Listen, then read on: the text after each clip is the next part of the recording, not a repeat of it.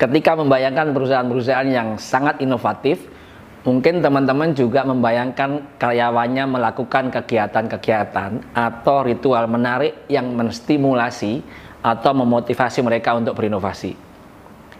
Ritual ini bisa sangat beragam antar perusahaan.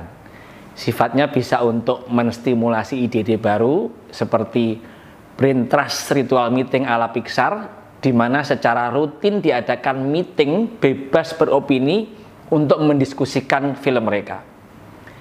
Ada juga ritual yang sifatnya merayakan upaya-upaya inovasi, seperti annual failure celebration yang dilakukan di Alphabet, sebuah parent company-nya Google, untuk mengapresiasi eksperimen-eksperimen yang tidak berhasil. Pertanyaannya nih, Apakah budaya melekat pada ritual-ritual tersebut? Atau pada perilaku di balik ritual-ritual tersebut? Yuk kita gali lebih lanjut di video berikut ini.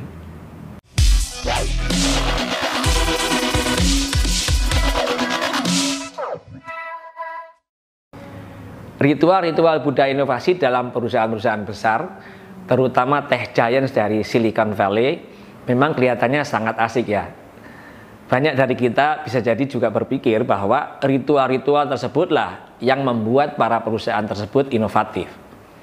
Dan mungkin bila kita tiru ritual-ritual tersebut, perusahaan kita juga bisa menjadi inovatif.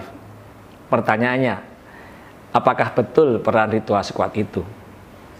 Kalau menurut pakar budaya organisasi, Edgar Schein, ritual itu ibaratnya seperti puncak gunung es dari sebuah budaya inovasi jadi, menurut Shane, ritual merupakan salah satu artefak, yaitu aspek-aspek budaya yang sangat jelas terlihat, tapi enggak menggambarkan apa yang sebenarnya menjadi esensi budaya tersebut. Contoh selain ritual adalah seperti poster-poster values atau slogan-slogan tertentu. Kalau begitu, apa nih yang menjadi gunung es yang jauh lebih besar di bawah permukaan? Saya yakin teman-teman tahu jawabannya, yaitu pola perilaku. Jadi teman-teman harus berhati-hati nih. Bila hanya sekedar mempraktekkan ritual budaya inovasi tanpa ada dasar pola perilaku inovatif yang ingin dibentuk, ritual tersebut hanya akan menjadi formalitas atau kosmetik yang nggak berdampak terhadap tingkat inovasi di sebuah perusahaan. Nah, kalau begitu, apa yang membedakan ritual-ritual di budaya inovasi para perusahaan inovatif seperti Pixar, Google, dan lainnya? Yang membedakan adalah bahwa budaya inovasi di perusahaan-perusahaan tersebut nggak melekat pada ritualnya, tapi pada pola perilaku orang-orang yang menjalankannya. Artinya, ritual hanya menjadi sarana untuk mengekspresikan pola perilaku yang sudah berusaha dibangun oleh perusahaan. Saya contohkan dengan Pixar. Perusahaan yang sudah tidak diragukan lagi ini nih, tingkat inovasinya dalam teknologi dan seni pembuatan film animasi. Dalam buku Creativity, karya Edwin Catmull, yang mengidentikan, yang mendetailkan tentang bagaimana karyawan-karyawan di Pixar bekerja, teman-teman dapat membaca tentang ritual budaya inovasi mereka yang disebut Brain Trust Meeting.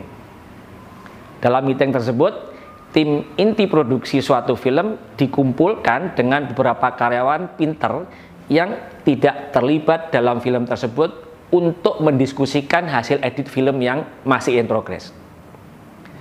Saat meeting, semua orang diperbolehkan untuk memberikan opininya, apa adanya, dan sejujur-jujurnya. Seperti terkait apa yang disukai atau nggak disukai, apa yang perlu diimprove, dan lain-lain. Dengan tujuan untuk memicu pemikiran-pemikiran inovatif demi pencapaian hasil yang excellence. Nah, catatan-catatan dari Brain Trust Meeting inilah yang memunculkan berbagai inovasi dalam film Pixar baik dari segi teknologi seperti cara menganimasikan pergerakan setiap 300 juta rambut pada karakter Sally di Monster Inc. maupun dari segi kreatif seperti plot twist di akhir Toy Story 3 yang membuat hampir semua orang nangis. Sehingga kita selalu puas dengan film-film hasil Pixar. Tapi apakah ritual trust sukses begitu saja? Brain trust bisa sukses karena dalam budaya inovasi Pixar sudah dibangun dengan kuat pada pola perilaku yang mengutamakan keterus terangan dan kesetaraan dalam proses inovasi sehingga nggak ada istilah nggak enakan misalnya.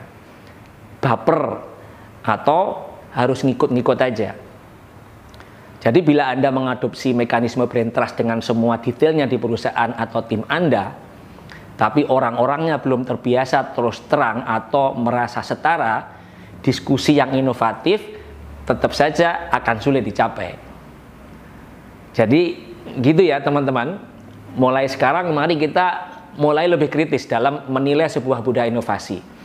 Nggak hanya melihat ritualnya, tapi pola perilaku yang menghidupkan ritual tersebut. Semoga bermanfaat.